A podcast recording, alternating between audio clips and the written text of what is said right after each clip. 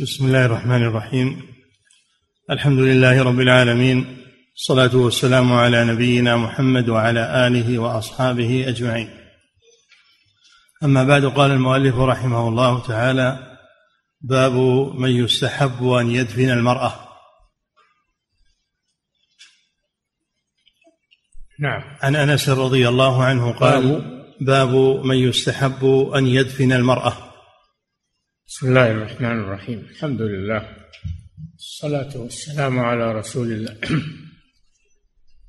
باب بيان من يستحب أن يدفن المرأة أي من ينزلها إلى قبرها. من الذي ينزلها إلى قبرها؟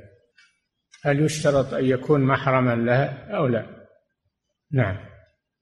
عن أنس رضي الله عنه قال شهدت بنت رسول الله صلى الله عليه وسلم تدفن وهو جالس على القبر فرأيت عينيه تدمعان فقال هل فيكم من أحد لم يقارف الليلة؟ فقال أبو طلحة أنا.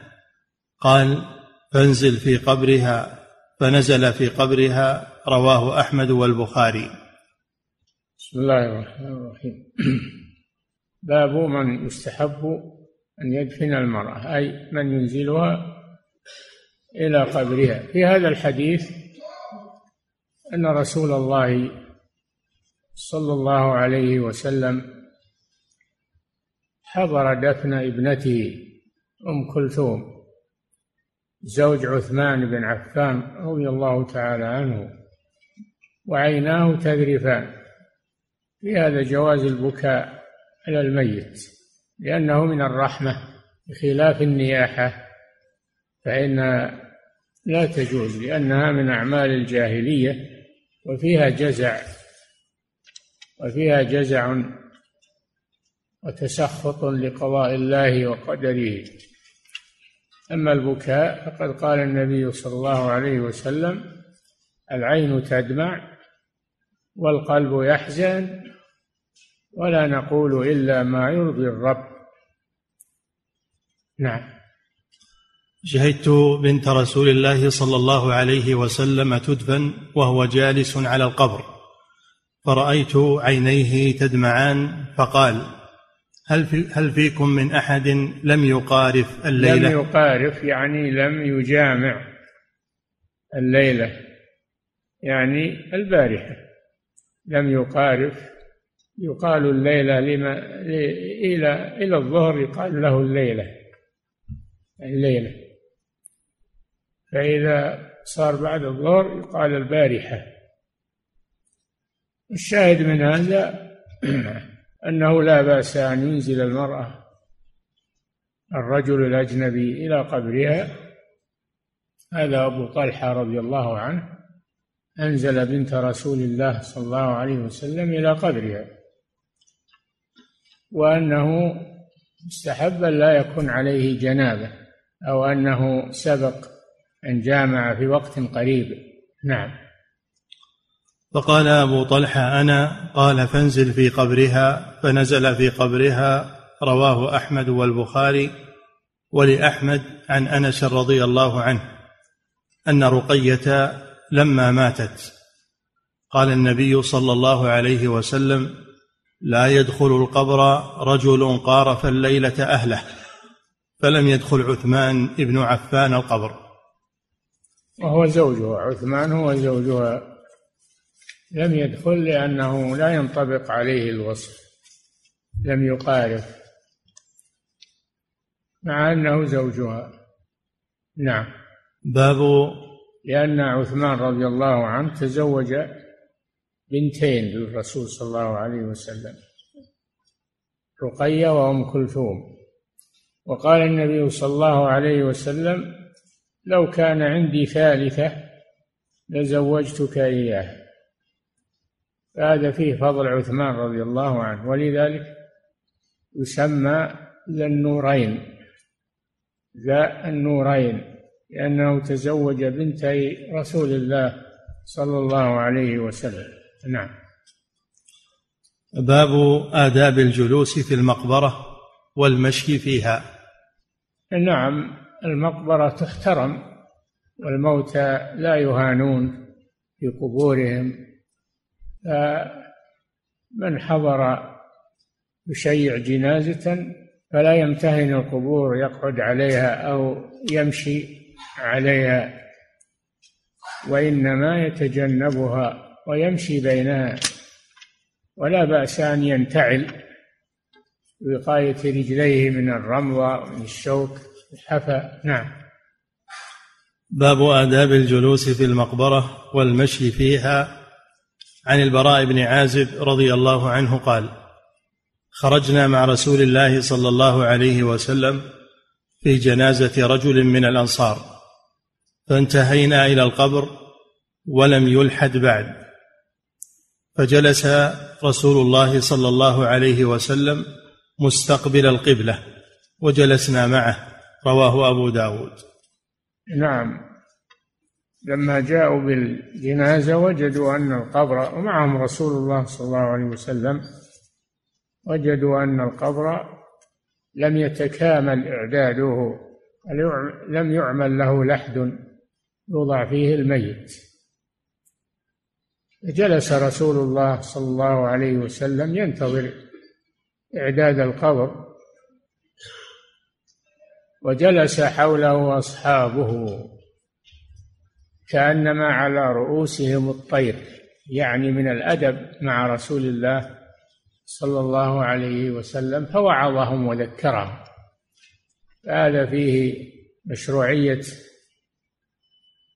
تشييع الجنائز وأن أهل الفضل يحضرونها وفيه انتظار إعداد القبر إذا لم يتكامل وأنهم يجلسون ينتظرون ذلك وأن العالم يعظ في هذه الفترة إذا صادف مثل هذه الحالة أما المداومة على الموعظة عند القبر فهذا لم يرد عن الرسول صلى الله عليه وسلم إنما ورد في هذه الحالة وما شابهها.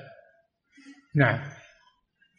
وعن أبي هريرة رضي الله عنه قال قال رسول الله صلى الله عليه وسلم لأن يجلس أحدكم على جمرة فتحرق ثيابه فتخلص إلى جلده خير له من أن يجلس على قبر رواه الجماعة إلا البخاري والترمذي. لأن يجلس أحدكم على جمرة فتخرق ثيابه. تنتهي إلى جسده. معلوم ما في هذا من الألم. خير له أي أسهل من أن يجلس على قبر. فبهذا تحريم الجلوس على القبور والوطي والمشي عليها. أنها تحترم ولا تهان. نعم. وعن عمرو بن حزم رضي الله عنه قال رآني رسول الله صلى الله عليه وسلم متكئا على قبر. عن عمرو. وعن عمرو بن حزم. نعم. رضي الله عنه قال رآني رسول الله صلى الله عليه وسلم متكئا على قبر. فقال لا يؤذى صاحب هذا القبر. أو لا تؤذه رواه أحمد. نعم رأى الرسول صلى الله عليه وسلم هذا الصحابي الجليل جالسا على قبر فنهاه عن ذلك. دل على أن الجلوس على القبر يؤذي الميت فلا يجلس عليه ولا يوطى بل يحترم له كرامة وله مكانة في الإسلام. فلا يهان. فإذا أراد أن يجلس فليتوخى أرضا فضاء. نعم. وعن بشير ابن الخصاصية أن رسول الله صلى الله عليه وسلم رأى رجلا يمشي في نعلين بين القبور فقال يا صاحب السبتي السبتيتين. ألقهما رواه الخمسة إلا الترمذي.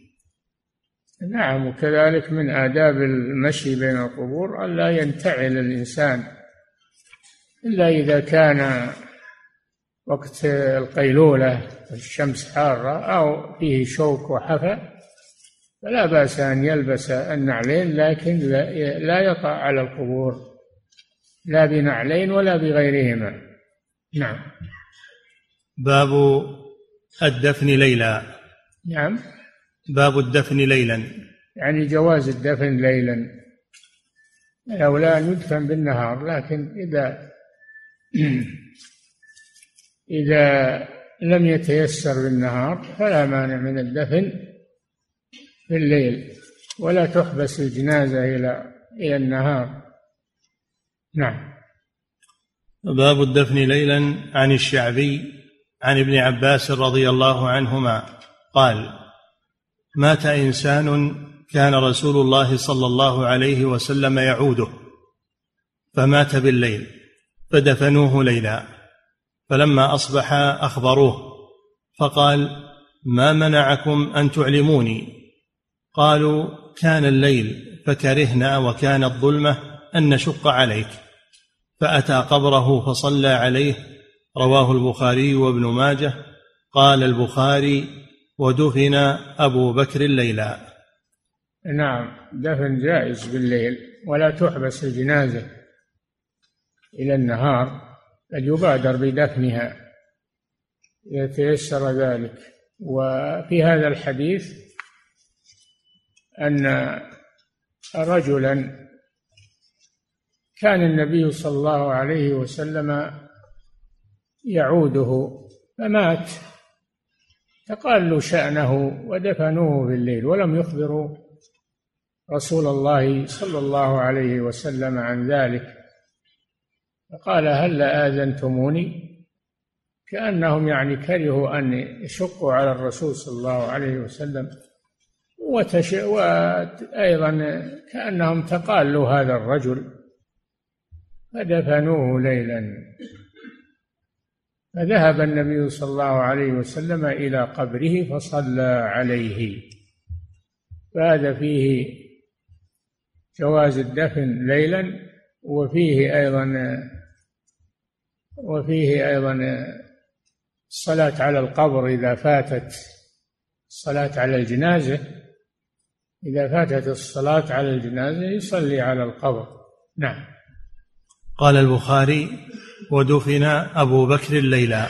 دفن أبو بكر رضي الله عنه لما توفي ليلا فدل على جواز الدفن في الليل. فهذا أبو بكر أفضل الأمة دفن ليلا. فدل على جواز الدفن ليلا. وذلك من المبادرة بدفن الميت وعدم حبسه. نعم. وعن عائشة رضي الله عنها قالت ما علمنا بدفن رسول الله صلى الله عليه وسلم حتى سمعنا صوت المساحي من آخر الليل ليلة الأربعاء.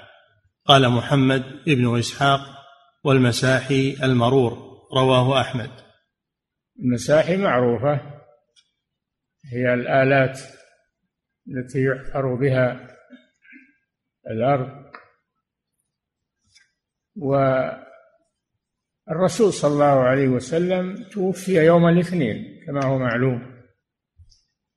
ولم يدفن إلا ليلة الأربعاء. لماذا؟ لأنهم اشتغلوا بتنصيب الخليفة بعد رسول الله صلى الله عليه وسلم.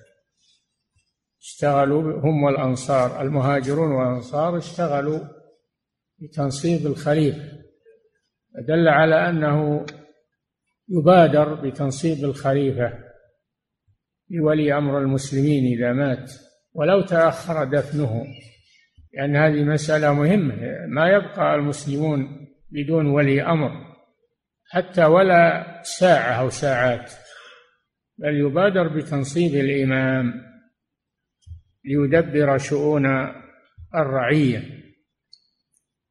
تفوت الفرصة على من يريد أن يشق عصا الطاعة تفوت عليه الفرصة في ذلك. ولا يمر بالمسلمين ما يمر بالمسلمين وقت ليس فيه ولي أمر. أخروا رسول الله صلى الله عليه وسلم من يوم الاثنين إلى ليلة الأربعاء حتى تمت البيعة لأبي بكر الصديق رضي الله تعالى عنه. نعم. ودفنوه ليلا. نعم ليلة الأربعاء. نعم. وعن جابر رضي الله عنه قال رأى ناس نارا في المقبرة فأتوها فإذا رسول الله صلى الله عليه وسلم في القبر يقول ناولوني صاحبكم وإذا هو الذي كان يرفع صوته بالذكر رواه أبو داود. نعم رأوا نارا في المقبرة. فأتوها ووجدوا رسول الله صلى الله عليه وسلم نازلا في القبر. وجاءوا بالسراج والنور ليبصروا طريقهم ويروا العمل. فدل على أنه لا بأس بالدفن ليلا. لا بأس بالدفن ليلا. وأنه لا بأس بإدخال السراج والكشاف وما أشبه ذلك للحاجة. وإلا فمنهي عن إسراج القبور وإضاءة القبور؟ منهي عن والمقابر؟ منهي عن ذلك؟ لكن هذا عارض ولا. ومحتاجون إليه. الشاهد منها أن الدفن جواز الدفن ليلا. نعم. فإذا كان هذا الرجل يجهر بالذكر في حياته.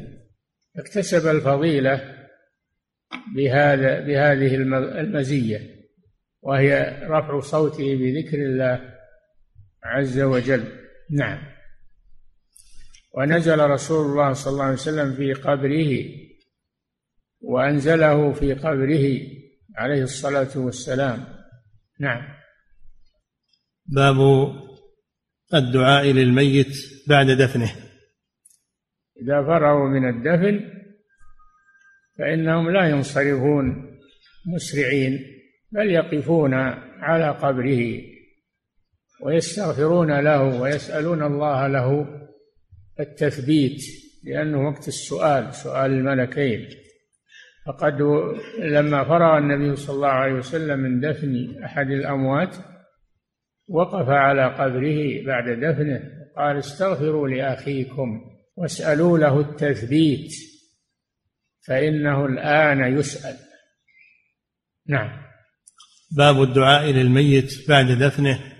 عن عثمان رضي الله عنه قال كان النبي صلى الله عليه وسلم إذا فرغ من دفن الميت وقف عليه فقال استغفروا لأخيكم وسلوا له التثبيت فإنه الآن يسأل. رواه أبو داود. نعم. هذا فيه الوقوف على قبر الميت بعد دفنه والاستغفار له. وسؤال الله له التثبيت عند سؤال الملكين لأنه إذا وضع في قبره ودفن وانتهوا من دفنه وانصرفوا وإنه ليسمع قرع نعالهم يأتيه ملكان في قبره فيجلسانه تعاد روحه في جسده. حياة برزخية ما هي مثل حياته على وجه الأرض. حياة أخروية برزخية. فيسأل من ربك وما دينك ومن نبيك فالمؤمن يقول ربي الله والإسلام ديني ونبي محمد صلى الله عليه وسلم. فينادي مناد من قبل السماء أن صدق عبدي فأفرشوه من الجنة وافتحوا له بابا إلى الجنة فيوسع له في قبره مد بصره ويأتيه من روح الجنة وريحها وهو في قبره. وأما المرتاب فيقول ها ها لا أدري. من ربك؟ ها ها لا أدري. ما دينك؟ أها لا أدري. من نبيك؟ أها لا أدري. سمعت الناس يقولون شيئا فقلته. كان يقول هذا الكلام في الدنيا من غير إيمان من غير اعتقاد وإنما يقلد الناس فقط. وهذا هو المرتاب والعياذ بالله. فينادي مناد أن كذب عبدي فأفرشوه من النار.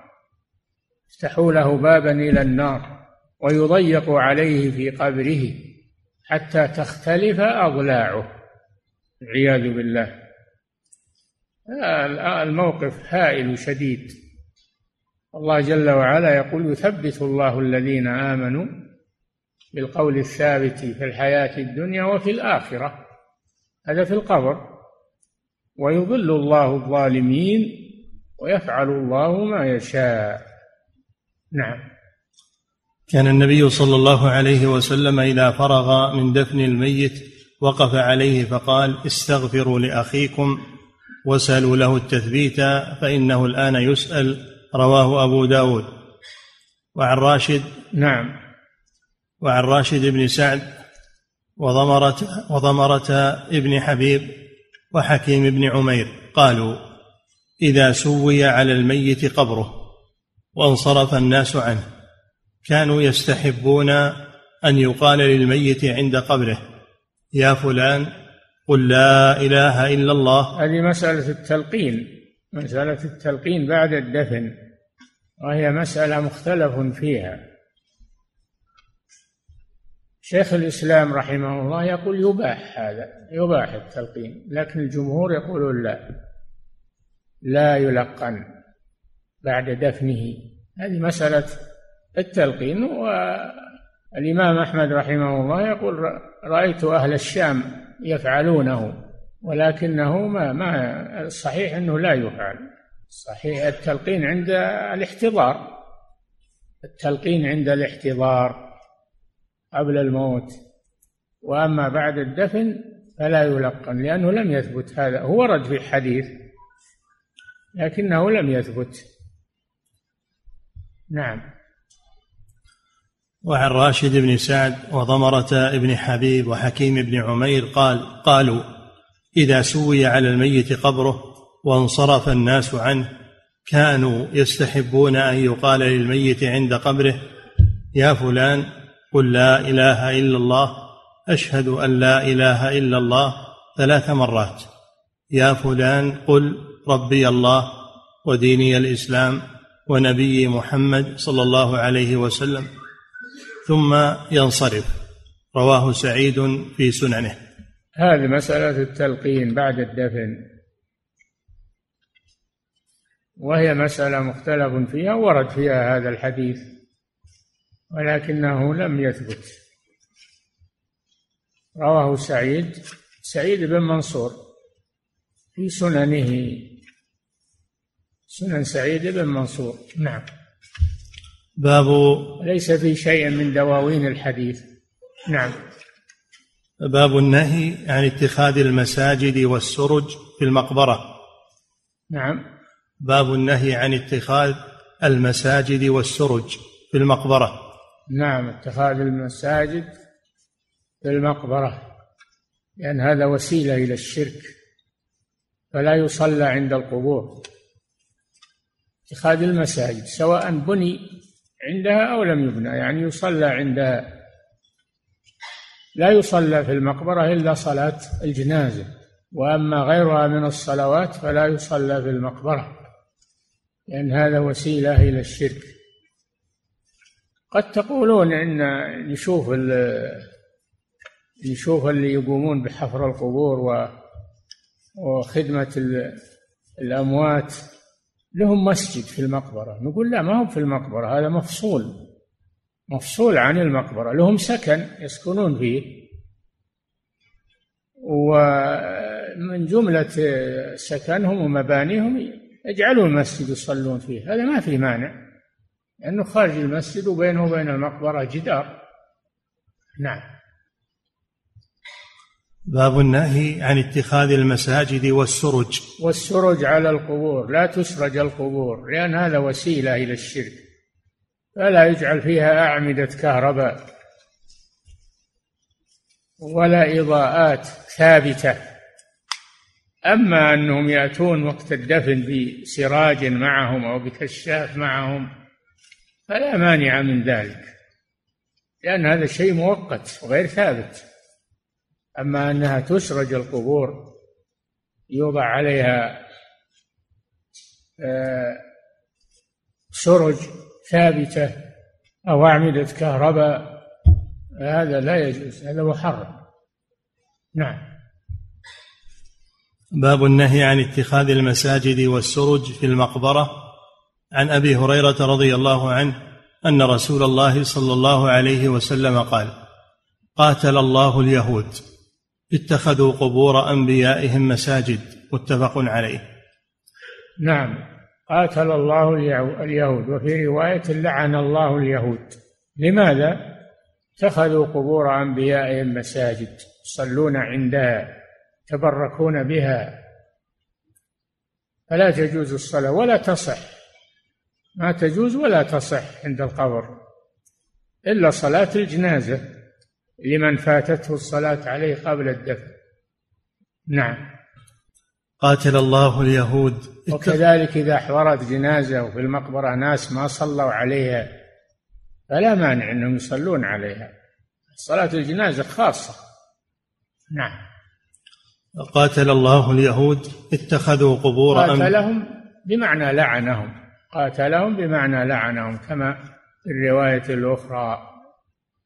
دل على أن اتخاذ القبور مساجد محرم وكبيرة من كبائر الذنوب وأنه من فعل اليهود.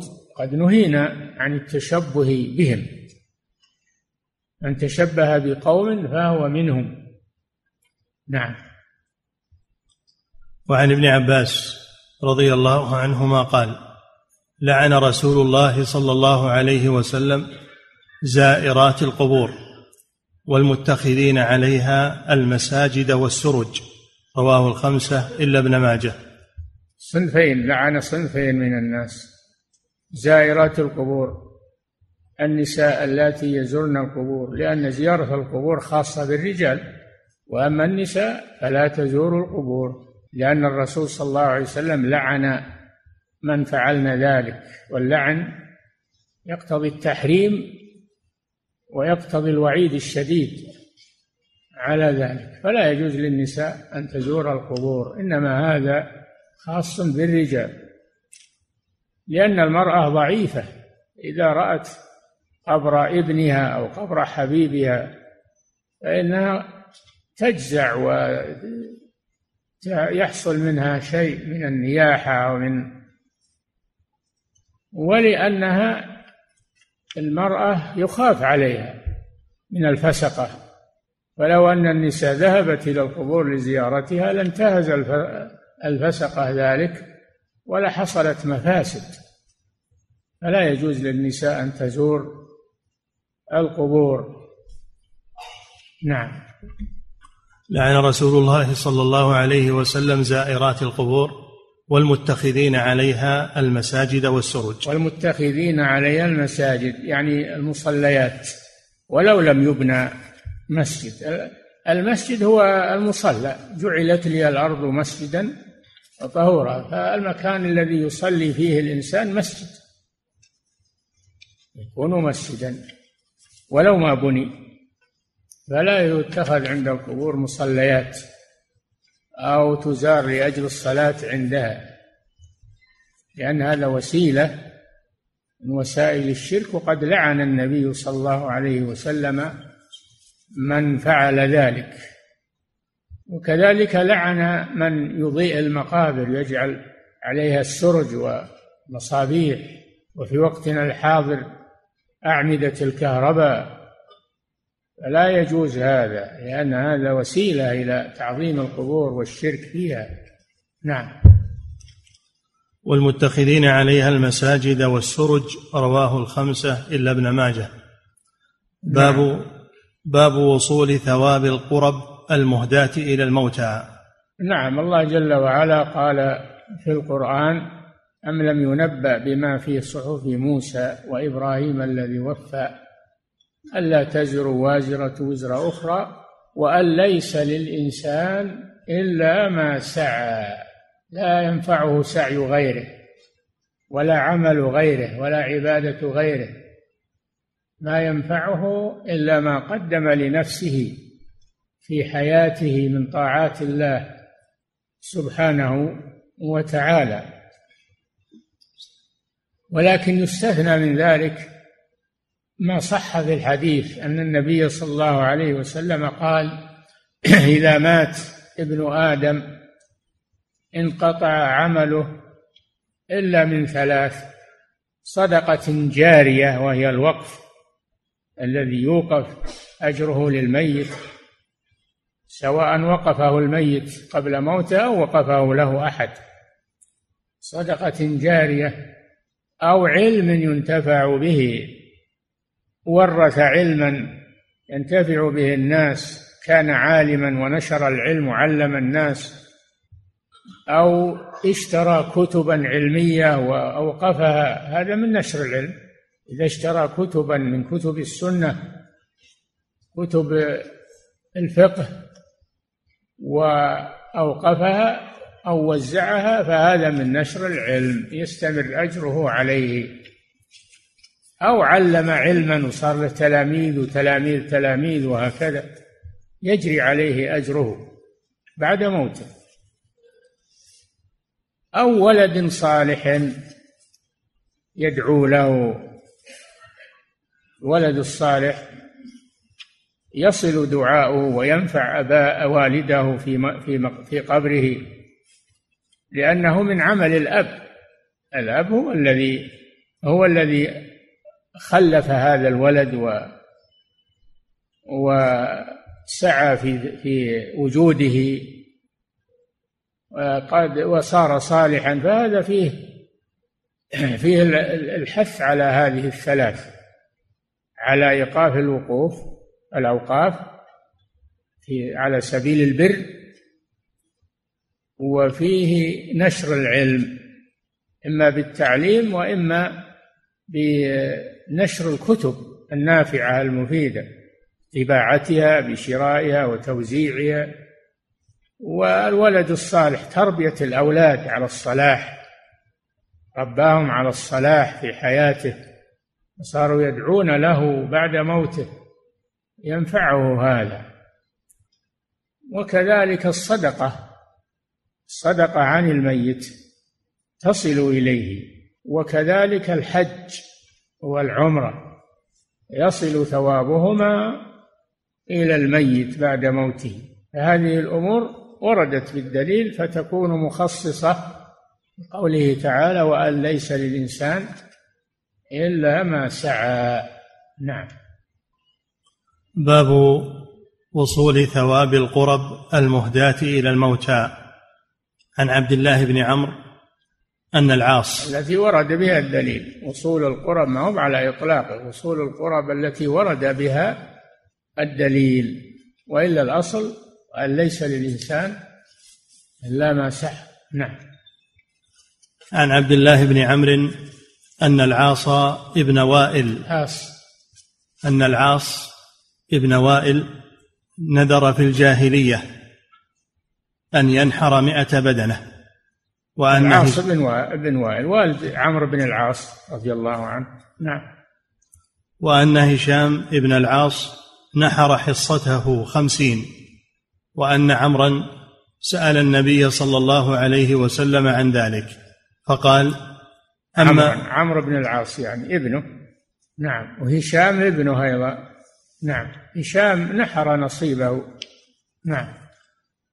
وأن هشام بن العاص نحر حصته خمسين وأن عمرا سأل النبي صلى الله عليه وسلم عن ذلك فقال أما أبوك فلو أقر بالتوحيد فصمت وتصدقت عنه نفعه ذلك رواه أحمد.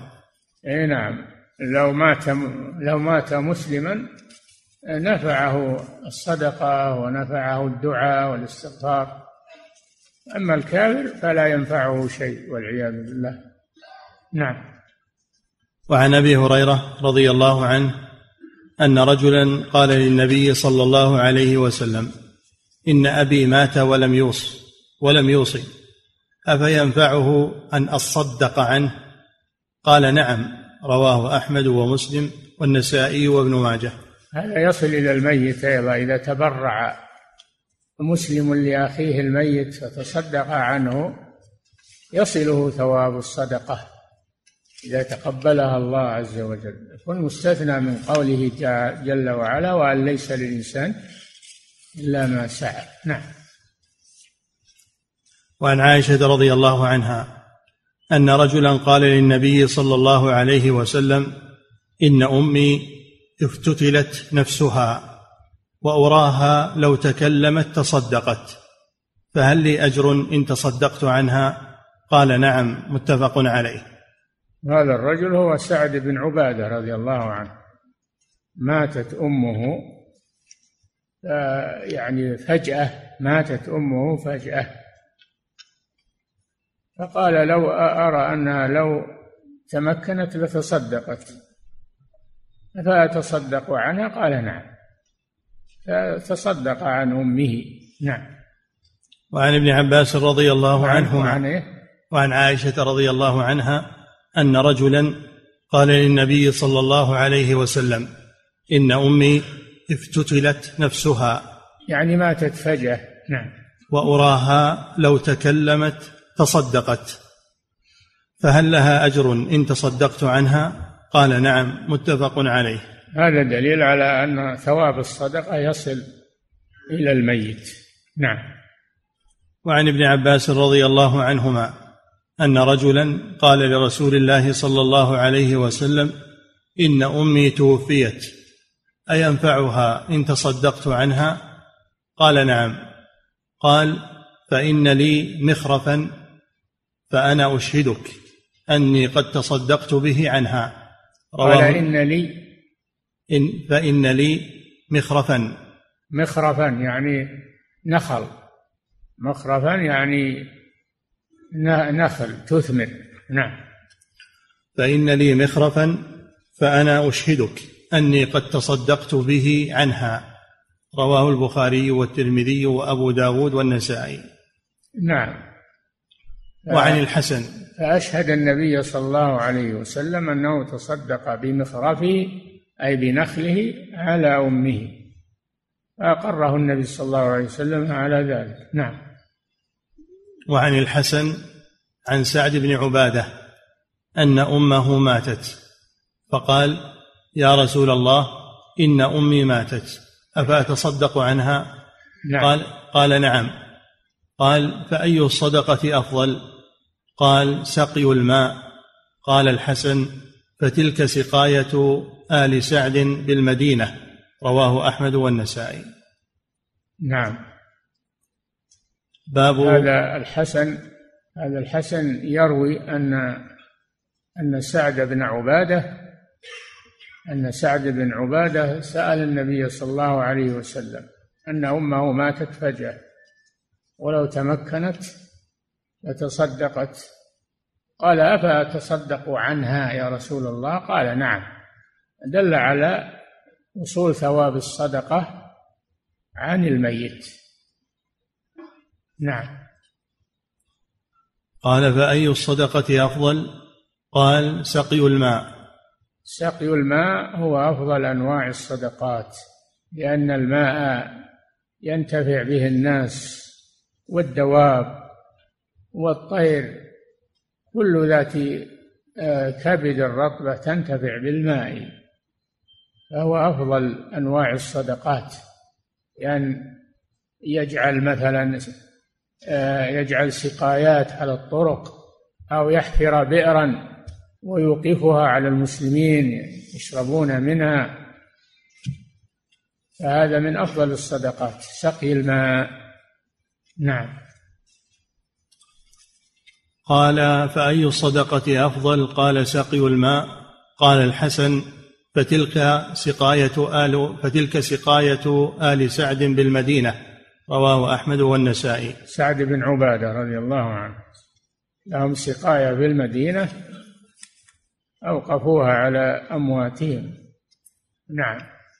باب تعزية المصاب وثواب صبره وأمره به وما يقول لذلك. نعم تعزية المصاب مستحبة.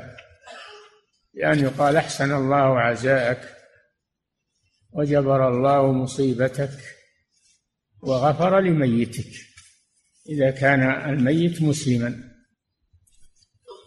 قال غفر الله لميتك.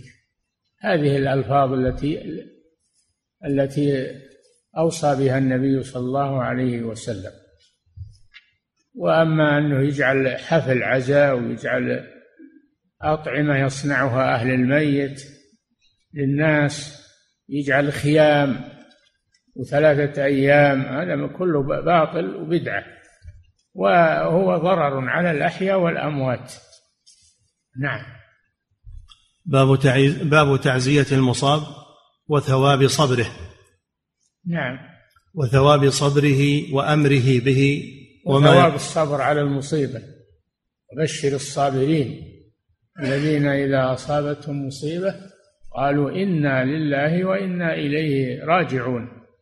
أولئك عليهم صلوات من ربهم ورحمة.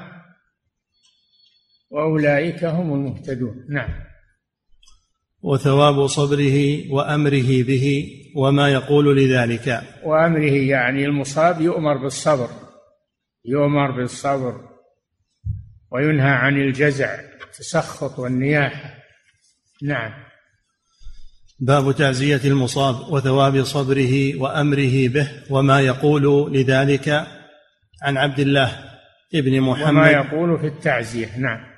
عن عبد الله بن محمد بن أبي بكر بن عمرو بن حزم عن أبيه عن جده.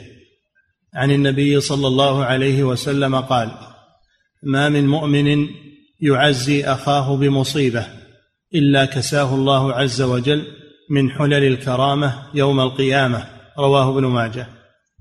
نعم فهذا فيه استحباب تعزية المصاب لأن في هذا إعانة له على الصبر وفيه مواساة للمصاب. نعم. وعن الأسود عن عبد الله عن النبي صلى الله عليه وسلم قال من عزى مصابا فله مثل أجره. رواه ابن ماجه والترمذي. فله مثل أجر المصاب. إذا صبر المعزي له مثل أجره ثواب. نعم. وعن الحسين بن علي عن النبي صلى الله عليه وسلم قال ما من مسلم ولا مسلمة يصاب بمصيبة فيذكرها وإن قدم عهدها فيحدث لذلك استرجاعا. إلا جدد الله تبارك وتعالى له عند ذلك فأعطاه مثل أجرها يوم أصيب. رواه أحمد وابن ماجه. استرجاع اللي هو قول إنا لله وإنا إليه راجعون. فكل ما تذكر المصيبة ولو كانت قديمة فإنه يقول إنا لله وإنا إليه راجعون. فيحصل له بذلك الأجر من الله عز وجل. نعم. وعن أنس رضي الله عنه أن النبي صلى الله عليه وسلم قال إنما الصبر عند الصدمة الأولى. رواه الجماعة. نعم. النبي صلى الله عليه وسلم مر على امرأة وهي جالسة عند قبر ابنها تبكي. فقال النبي صلى الله عليه وسلم لها ولم تعرفه. يا أمة الله اصبري. قالت إليك عني فإنك لم تصب بمثل مصيبتي. فقالوا لها هذا رسول الله. لما لما ذهب الرسول صلى الله عليه وسلم قالوا هذا رسول الله. فندمت عن ما حصل منها وذهبت إلى الرسول. وقالت يا رسول الله لم لم أعرفك. والآن أصبر. قال إنما الصبر عند الصدمة الأولى. عندما يصاب الإنسان يصبر. أما أنه يصبر بعد ذلك يصبر غصب بعد ذلك. ما نعم. وعن جعفر. الصبر عند صدمة المصيبة. هذا وقت الصبر عند صدمة المصيبة. نعم. وعن جعفر بن محمد عن أبيه عن جده قال لما توفي رسول الله صلى الله عليه وسلم وجاءت التعزية. نعم. وعن جعفر بن محمد عن أبيه عن جده قال لما توفي رسول الله صلى الله عليه وسلم وجاءت التعزية سمعوا قائلا يقول إن في الله عزاء من كل مصيبة وخلفا من كل هالك ودركا من كل فائت فبالله فثقوا وإياه فارجوا فإن المصاب من حرم الثواب. رواه الشافعي. نعم جاءت التعزية من الله سبحانه وتعالى بواسطة ملك من الملائكة. يسمعون صوته ولا يرون ولا يرونه. هذه ألفاظ التعزية. نعم إن لله إن في الله عزاء من كل مصيبة. نعم. وخلفا من كل هالك. نعم. ودركا من كل فائت. نعم. فبالله فثقوا. وإياه فارجوا فإن المصاب من حرم الثواب. نعم المصاب من حرم الثواب وليس المصاب من فقد قريبه. نعم. رواه الشافعي وعن أم سلمة رضي الله عنها قالت سمعت رسول الله صلى الله عليه وسلم يقول ما من عبد تصيبه مصيبة. فيقول إنا لله وإنا إليه راجعون.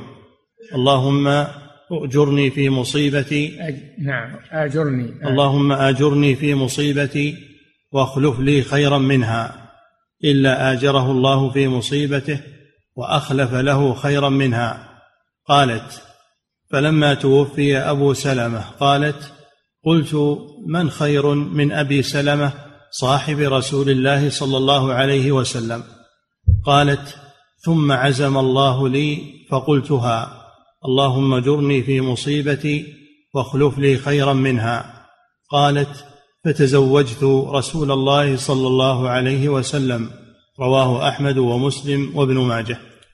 نعم هي يعني استبطأت أن يكون أحد مثل أبي سلمة بالنسبة لها لأنه حبيبها وزوجها وأبو أولادها قالت من لأنه لأن في التعزية واخلف علي بخير منها تقول من مثل أبي سلمة؟ استجاب الله لها وتزوجت رسول الله صلى الله عليه وسلم. رسول الله خير من أبي سلمة. نعم. باب صني. يكفي.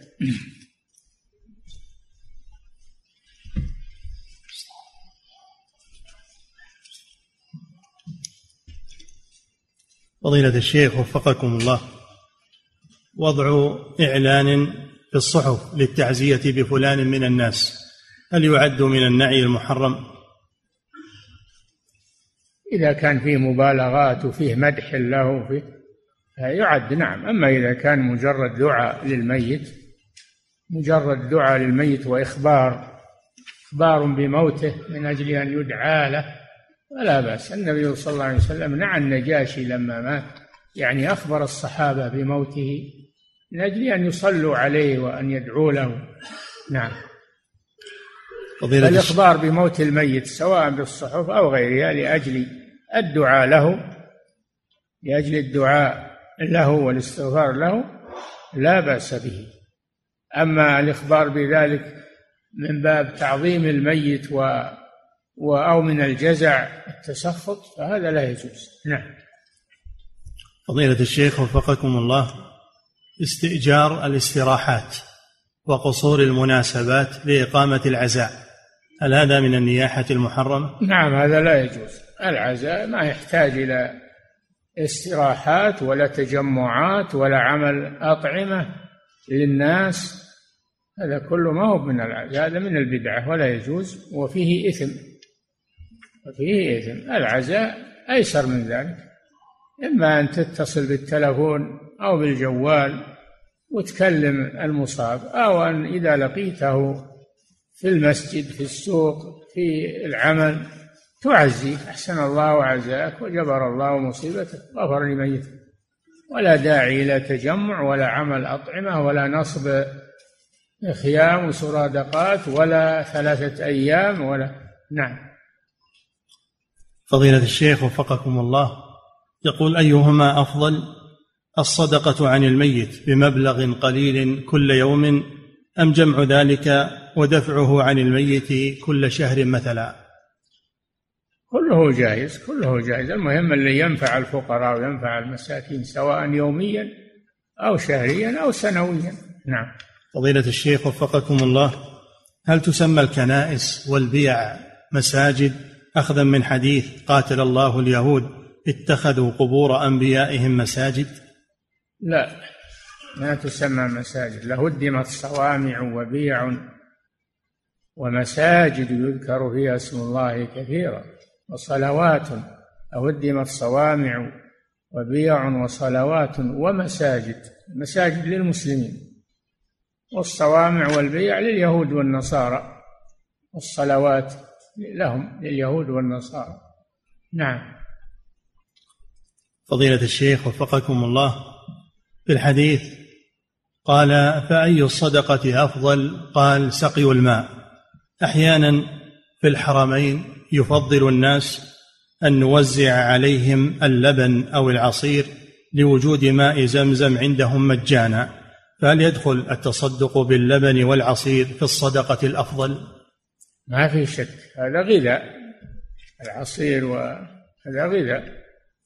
ما شك إنه أفضل من الماء. نعم. فضيلة الشيخ وفقكم الله. يقول أدركت بعض كبار السن يطوفون بالبيت سبعا ويقولون يقول أدركت بعض كبار السن يطوفون بالكعبة سبعا ويقولون هذا ثوابه لفلان الميت وقد جرى عملهم عليه فهل يشرع هذا؟ ما ورد فيه دليل إلا من ناحية العموم عموم أن هذا قربة وطاعة وفيه ثواب من ناحية العموم يفعلونه من هذه الناحية. أما أنه ورد أنه يطاف لكن الذي ورد أنه يحج عن الميت أنه يعتمر عن الميت وأما مجرد الطواف هذا لم يرد فيه دليل. نعم. فضيلة الشيخ وفقكم الله. يقول بعد أربعين يوما من وفاة الميت يصنع أهله طعاما للفقراء فما حكم هذا؟ هذا بدعة وحرام ولا يجوز. بدعة ولا يجوز. نعم. فضيلة الشيخ وفقكم الله. يسمونها ذبيحة الحفرة. لا يجوز هذا من البدع والمحدثات نعم. فضيلة الشيخ وفقكم الله يقول هل يشرع أو هل هل يشرع الحج أو العمرة عن رسول الله صلى الله عليه وسلم أخذا من العموم؟ الرسول ليس بحاجة إلى هذا لأن له مثل أجر من عمل له مثل أجر من حج ومثل أجر من اعتمر له مثل أجر من صلى وصام. هو لا يحتاج إلى هذا لأنه له مثل أجر العامل عليه الصلاة والسلام. له مثل أجور أمته. نعم. فضيلة الشيخ وفقكم الله. يقول هل يحصل على أجر التعزية من عزى مصابا عن طريق الهاتف أو برسالة جوال؟ إيه نعم. المهم إبلاغه. إبلاغه بالدعاء. حثه على الصبر سواء مشافهة أو كتابة أو بالجوال أو بالتلفون. نعم. فضيلة الشيخ وفقكم الله. يقول السائل إذا كان يجوز البكاء على الميت فما الجواب عما ورد من حديث إن الميت ليعذب ببكاء أهله عليه؟ هذا بكاء النياحة بكاء النياحة بما نيح عليه. بما نيح عليه يعذب بما نيح عليه. أما يعذب ببكاء أهله فلا فلا أدري عن هذا اللفظ. يحتاج إلى تثبت. لكن إن ثبت فالمراد به بكاء النياحة نعم. فضيلة الشيخ وفقكم الله. هل من سقي الماء ما يوجد اليوم في بعض المساجد من ثلاجات توضع فيها قوارير المياه الجاهزة؟ ها؟ هل من سقي الماء ما يوجد اليوم في بعض المساجد من ثلاجات توضع فيها قوارير الماء الجاهزة؟ اي نعم هو من سقي الماء ثلاجات أو غيرها. فضيلة الشيخ وفقكم الله. بل قد يكون في ثلاجات أفضل لأنه يصير بارد ومهيأ للشرب. نعم. فضيلة الشيخ وفقكم الله يقول بعد بعد الدفن يقوم رجل بالدعاء والناس يؤمنون خلفه فلما نهيناهم قال الناس لا يعرفون أن يدعوا فهو يدعو ويؤمنون. هذا ما ورد الذي ورد الاستغفار للميت. استغفروا لأخيكم واسألوا له التثبيت فإنه الآن يسأل. هذا الذي ورد استغفار له. نعم. فضيلة الشيخ وفقكم الله. يقول السائل ولا ت... والله قال في المنافقين ولا تصلي على أحد منهم مات أبدا ولا تقم على قبره. المراد القيام على قبره بعد الدفن للاستغفار له. نعم. فضيلة الشيخ وفقكم الله. بعض من يجوز زيارة المرأة للمقبرة يستدل بالحديث الذي مر معنا وأن النبي صلى الله عليه وسلم مر على هذه المرأة التي تبكي عند قبر ابنها ولم ينكر عليها إلا مسألة البكاء. يا أخي ما يكفي لعن الله زائرات القبور متخذين هذا ما هو بنهي. هذا نهي لها ولغيرها. نعم. فضيلة الشيخ وفقكم الله من يقول بأن المراد بالنهي عن زيارة النساء إلى القبور إنما هو الإكثار من الزيارة لما ورد زوارات القبور. ورد زائرات كما في اللفظ الذي معكم زائرات ولم يقل زوارات. نعم. فضيلة الشيخ وفقكم الله عند الوقوف على قبر الميت للدعاء له هل يرفع الإنسان يديه؟ إي نعم لا بأس يرفع يديه. نعم. وكذلك حفظك الله هل يدعى لأصحاب القبور جميعا فيرفع يديه؟ إذا مر بالقبور يسلم عليهم. السلام عليكم يا أهل القبور.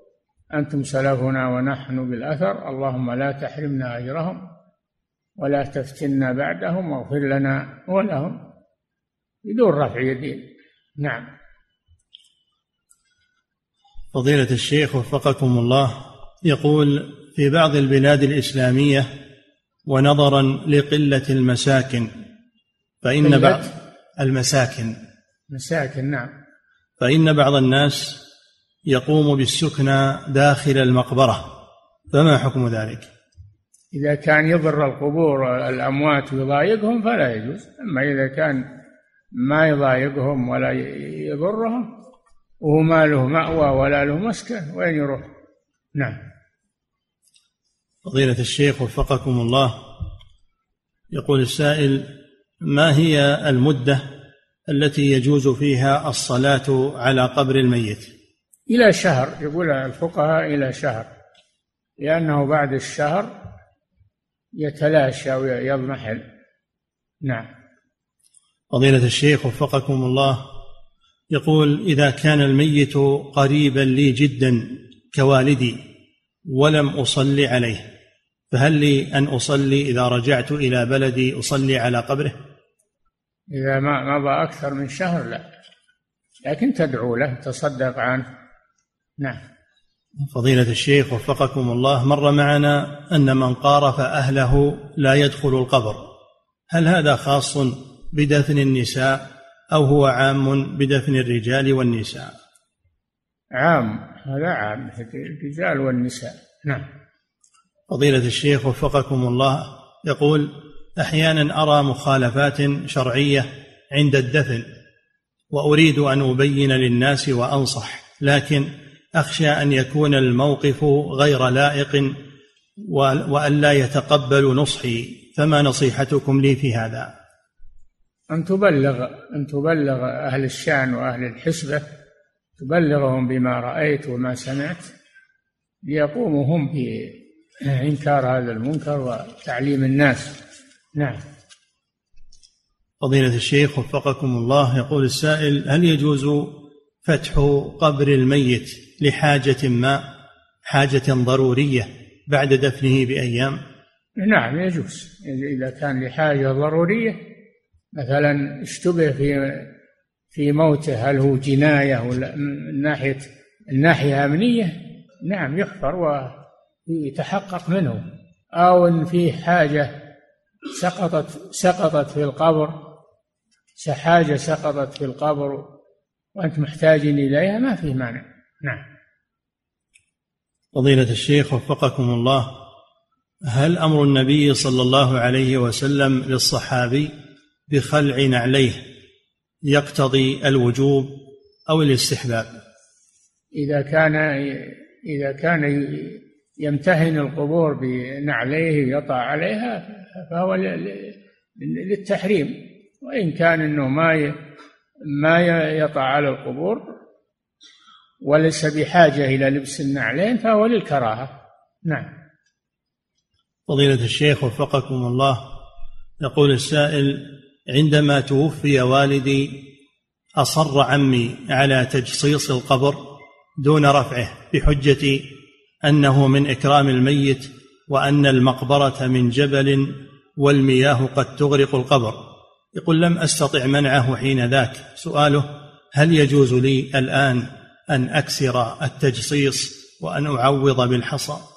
نعم هذا منكر يجب إزالته. إذا قدرت على هذا فإنك تزيله وتنصح هذا اللي يقول لك الكلام هذا. هذا من إكرام الميت ما هذا من إكرام الميت. إكرام الميت بالدعاء له والصدقة عنه. أما فعل البدعة والمنع عنه هذا ليس من إكرام الميت. فضيلة الشيخ وفقكم الله هذا سائل من خارج هذه البلاد يقول المقابر في بلدنا أغلبها ليس لها حماية ولا أسوار.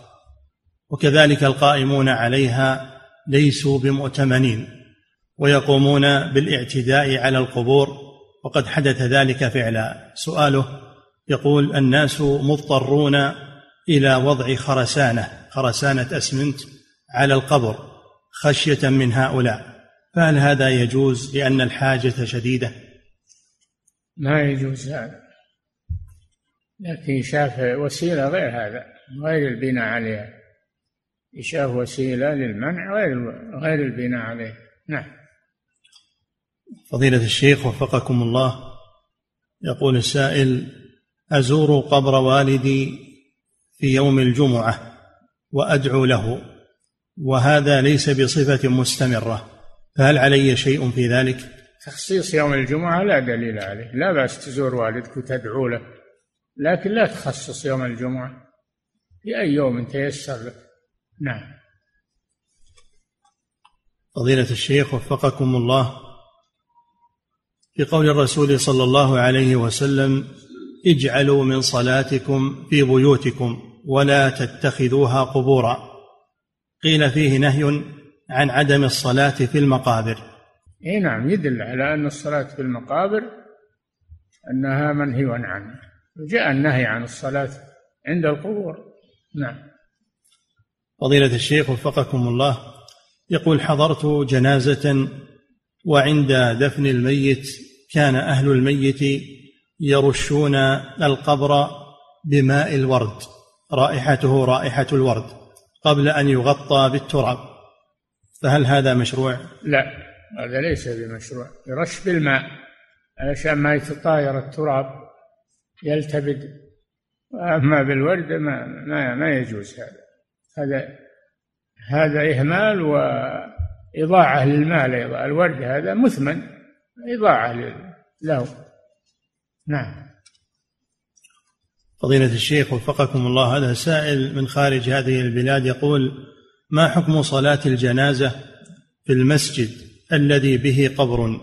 لأن هذا الأمر يتكرر عندنا في القرية كثيرا. صلوا عليها في غير المسجد. غير المسجد اللي فيه قبر. صلوا عليها أرض الله واسعة. نعم.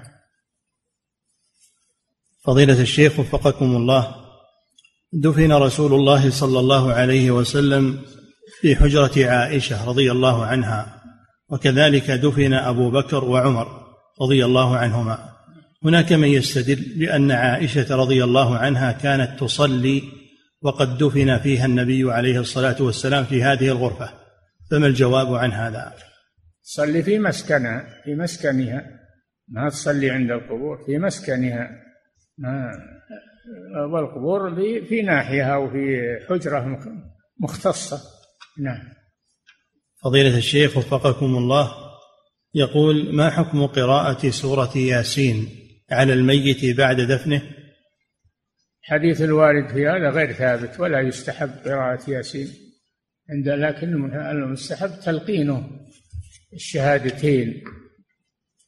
كل ما يعني رأيت أنه عنده تقبل تلقنه ولا تكرر عليه بحيث أنك تشق عليه لكن تعرض عليه عرض برفق ونعم فضيلة الشيخ وفقكم الله إذا كانت الإضاءة والأنوار توضع على سور المقبرة إذا كانت الإضاءة والأنوار توضع على سور المقبرة من الخارج لكي يتم حراستها فما حكم ذلك؟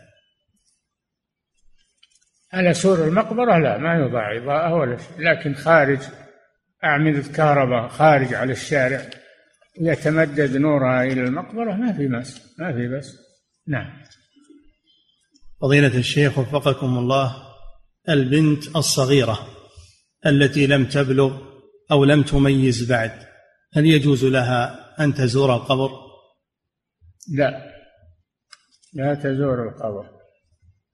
لأن هذا فتح باب لزيارة النساء للقبور نعم. فضيلة الشيخ وفقكم الله كيف يكون وضع السرج على القبور ذريعة إلى الشرك؟ ما يقولون ما وضع السراج على القبر إلا له شان وأنه ينفع ويضر. هذا يعني وسيلة للغلو في القبر. إذا صار ما عليه إضاءة صار مثل القبور الأخرى يضيع معها ولا يلفت النظر. نعم. فضيلة الشيخ وفقكم الله. يقول هل صحيح أنه يؤذن للنساء بزيارة قبر النبي صلى الله عليه وسلم وصاحبيه خاصة؟ لا. من قال هذا فليس معه دليل. يخصص النهي عن زيارة النساء للقبور. نعم. لعن الله زائرات القبور. هذا عام. وش الدليل على تخصيص قبر النبي وقبر صاحبه؟ نعم. فضيلة الشيخ وفقكم الله. يقول السائل هناك من يقول إن الصدقة عن الميت لا يصل ثوابها إليه ما لم تكن من ماله فهل هذا صحيح؟ لا هذا تحجر لواسع. يعني سعد بن عبادة تصدق عن أمه بإذن الرسول صلى الله عليه وسلم من ماله ما هو من مال أمه؟ أمه ما لها مال ما عندها مال. نعم. وكذلك فضيلة الشيخ وفقكم الله هل لا بد أن يكون المتصدق عن الميت من قرابته؟ لا ما يشترط هذا. نعم. فضيلة الشيخ وفقكم الله يقول السائل في بلادنا اتخذ الناس عند بوابة المقبرة اتخذوا مقاعد ليجلس عليها كبار السن حتى ينتهى من الدفن فهل في ذلك شيء؟ كيف؟ يقول في بلادنا اتخذ الناس عند بوابة المقبرة عند بدايتها. اتخذوا مقاعد.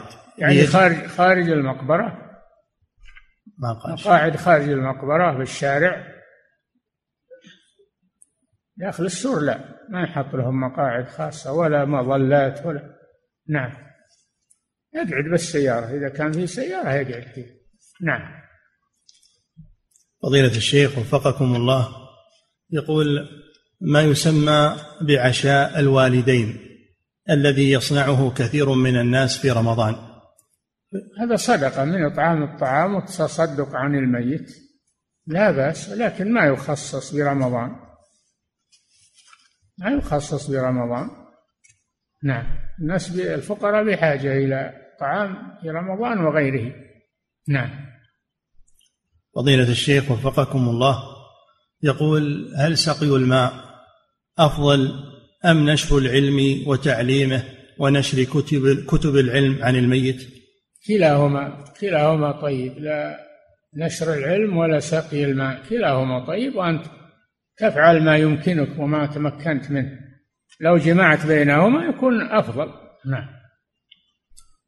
فضيلة الشيخ وفقكم الله يقول الإيثار بأعمال القرب.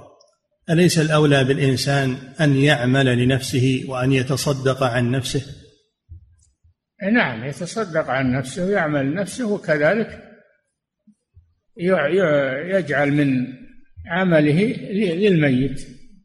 من باب الصلة من باب الصلة له ونفعه. نعم. فضيلة الشيخ وفقكم الله يقول هل يجوز تعزية النصراني أو اليهودي؟ نعم يجوز لكن ما في قريبه تعزيه لكن ما تقول وغفر لميتك. أحسن الله عزاك وجبر مصيبتك ولا تقول وغفر لميتك. نعم. فضيلة الشيخ وفقكم الله يقول هناك من قال بأن حديث النهي عن زيارة القبور للنساء أنه منسوخ بدليل قوله عليه الصلاة والسلام كنت قد نهيتكم عن زيارة القبور ألا فزوروها. هذا خطاب للرجال يا أخي. خصصه النهي ولعن زوارات القبور. هذا مخصص. هذا عموم مخصوص. نعم.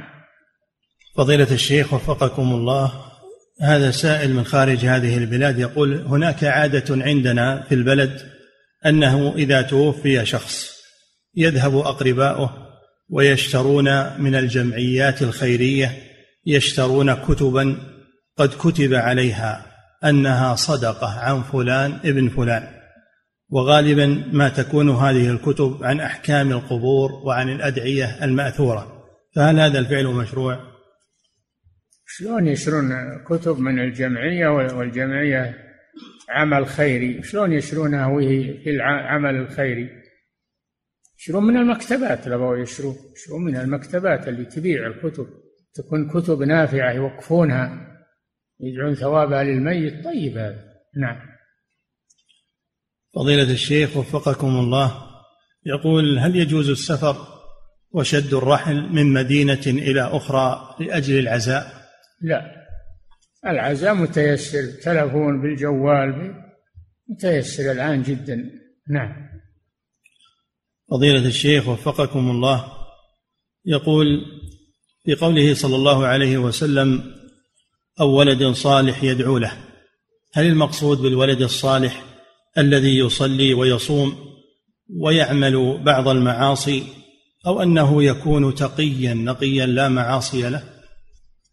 ما هنا أحد معصوم لكن الولد الصالح الذي يؤدي الواجبات ويتجنب المحرمات.